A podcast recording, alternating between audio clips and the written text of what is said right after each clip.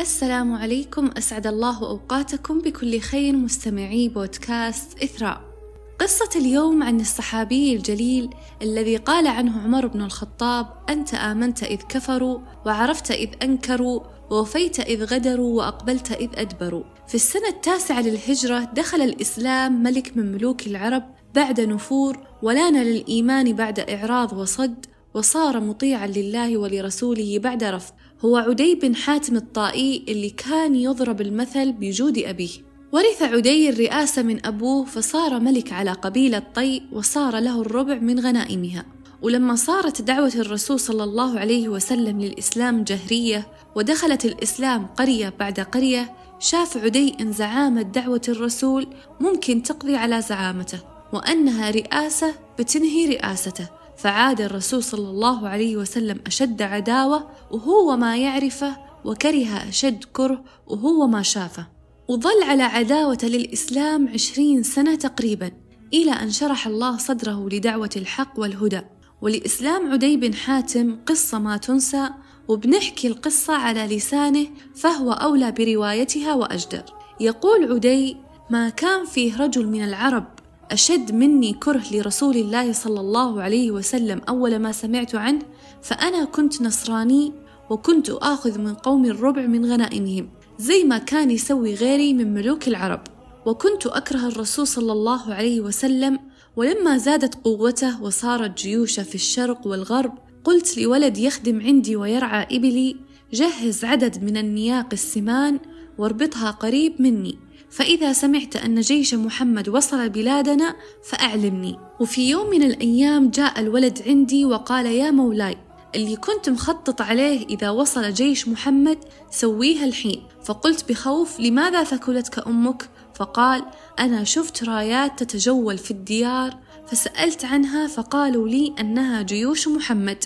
فقلت له جهز لي النوق وقربها مني أكثر وقمت فدعيت أهلي وأولادي وقلت لهم أننا بنرحل من أرضنا التي أحببناها. وسنذهب إلى بلاد الشام لأنها بلاد النصارى وهو ديننا فخرجنا واتجهنا للشام. ومن كثر العجلة نسيت أن أتفقد أهلي قبل الرحيل فلما تجاوزنا مكان الخطر وخرجنا من ديارنا تفقدت أهلي فإذا بي قد نسيت أختي في موطننا نجد. وما كنت أقدر أرجع لها فاستمرينا بالسفر إلى أن وصلنا الشام. وسكنت فيها بين أبناء ديني أما أختي فصار لها اللي كنت أخاف منه. وصلتني وأنا في الشام أخبار أن جيش محمد قد غار على ديارنا وأخذوا أختي مع مجموعة من السبايا وسافروا بهم إلى يثرب. وهناك حطوهم مع السبايا في حظيرة عند باب المسجد فمر الرسول صلى الله عليه وسلم بهم فقامت وقالت يا رسول الله مات أبي وغاب أخي فمن علي من الله عليك. فقال لها ومن أخوك? فقالت عدي بن حاتم. فقال الهارب من الله ورسوله. ومشى عليه الصلاة والسلام وتركها. ولما جاء اليوم الثاني مر من عندها فقالت مثل كلامها بالأمس ورد عليها مثل كلامه أيضا. ولما جاء اليوم الثالث وهي قد يئست مر من عندها فما قالت له شيء فأشر لها رجل من خلفه أن قومي وكلميه فقامت وقالت يا رسول الله مات أبي وغاب أخي فمن علي من الله عليك. فقال قد فعلت. فقالت أريد أن ألحق بأهلي في الشام. فقال الرسول صلى الله عليه وسلم لا تستعجلين وتخرجين إلا وأنت واثقة بمن سيوصلك لبلاد الشام. فإذا لقيت من وجدت فيه الثقة فأعلميني. ولما راح الرسول صلى الله عليه وسلم من عندها سألت عن الرجل اللي أشر لها من خلف الرسول فقالوا لها أنه علي بن أبي طالب رضوان الله عليه. وظلت تبحث عن قافلة تثق فيها فلقيتها وراحت للرسول صلى الله عليه وسلم وقالت يا رسول الله لقيت من قومي مجموعة أثق فيهم وأعرفهم وبسافر معهم. فكساها الرسول صلى الله عليه وسلم وأعطاها ناقة تحملها وأعطاها نفقة تكفيها فخرجت مع الركب وسافرت. يقول عدي جلسنا نتتبع أخبارها ونرقب قدومها وإحنا مو مصدقين اللي انحكى لنا عن قصتها مع الرسول صلى الله عليه وسلم وإحسانه لها. وبيوم من الأيام وأنا جالس مع أهلي شفت امرأة في هودجها جاية لنا فقلت إنها ابنة حاتم فإذا هي أختي. فلما وقفت قالت لي القاطع الظالم أخذت أهلك وعيالك وتركتني؟ فقلت يا أختي لا تقولي إلا خيرا وجلست أراضيها إلى أن رضيت وقصت لي قصتها فإذا هي كما وصلني. فقلت لها أستشيرها فهي حازمة وعاقلة.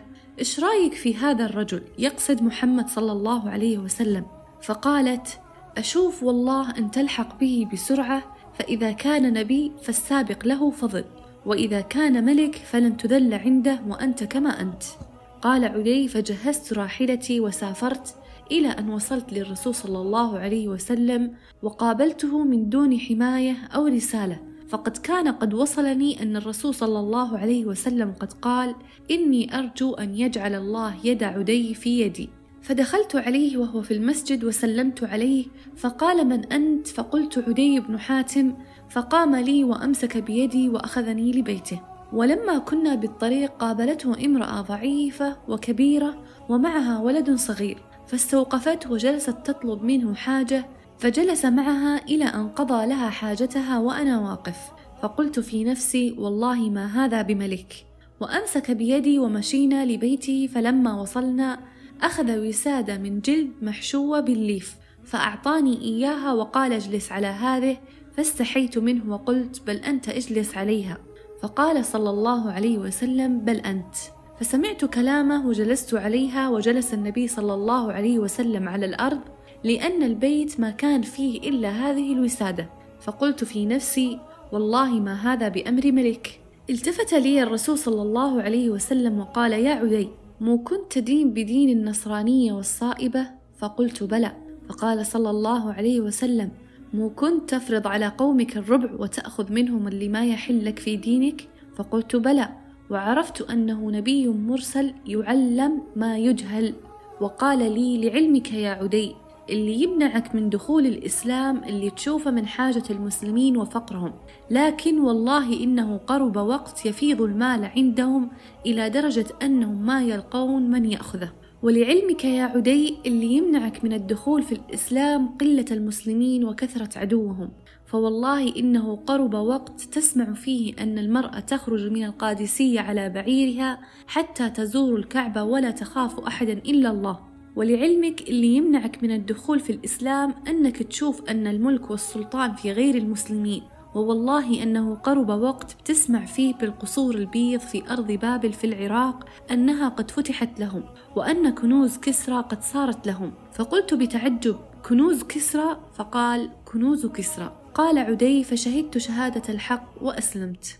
عاش عدي بن حاتم وقت طويل وكان يقول أنه تحقق أمرين من كلام الرسول صلى الله عليه وسلم وبقي الثالثة وأكيد أنها قادمة. فقد رأيت المرأة تخرج من القادسية على بعيرها ما تخاف من شيء إلى أن تصل البيت الحرام. وكنت أنا في أول جيش أغار على كنوز كسرى وأخذها وأقسم بالله أنها ستأتي الثالثة.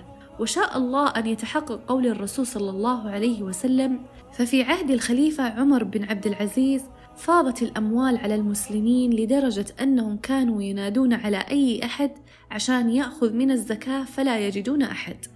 فصدق الرسول صلى الله عليه وسلم وبر عدي بن حاتم بقسمه.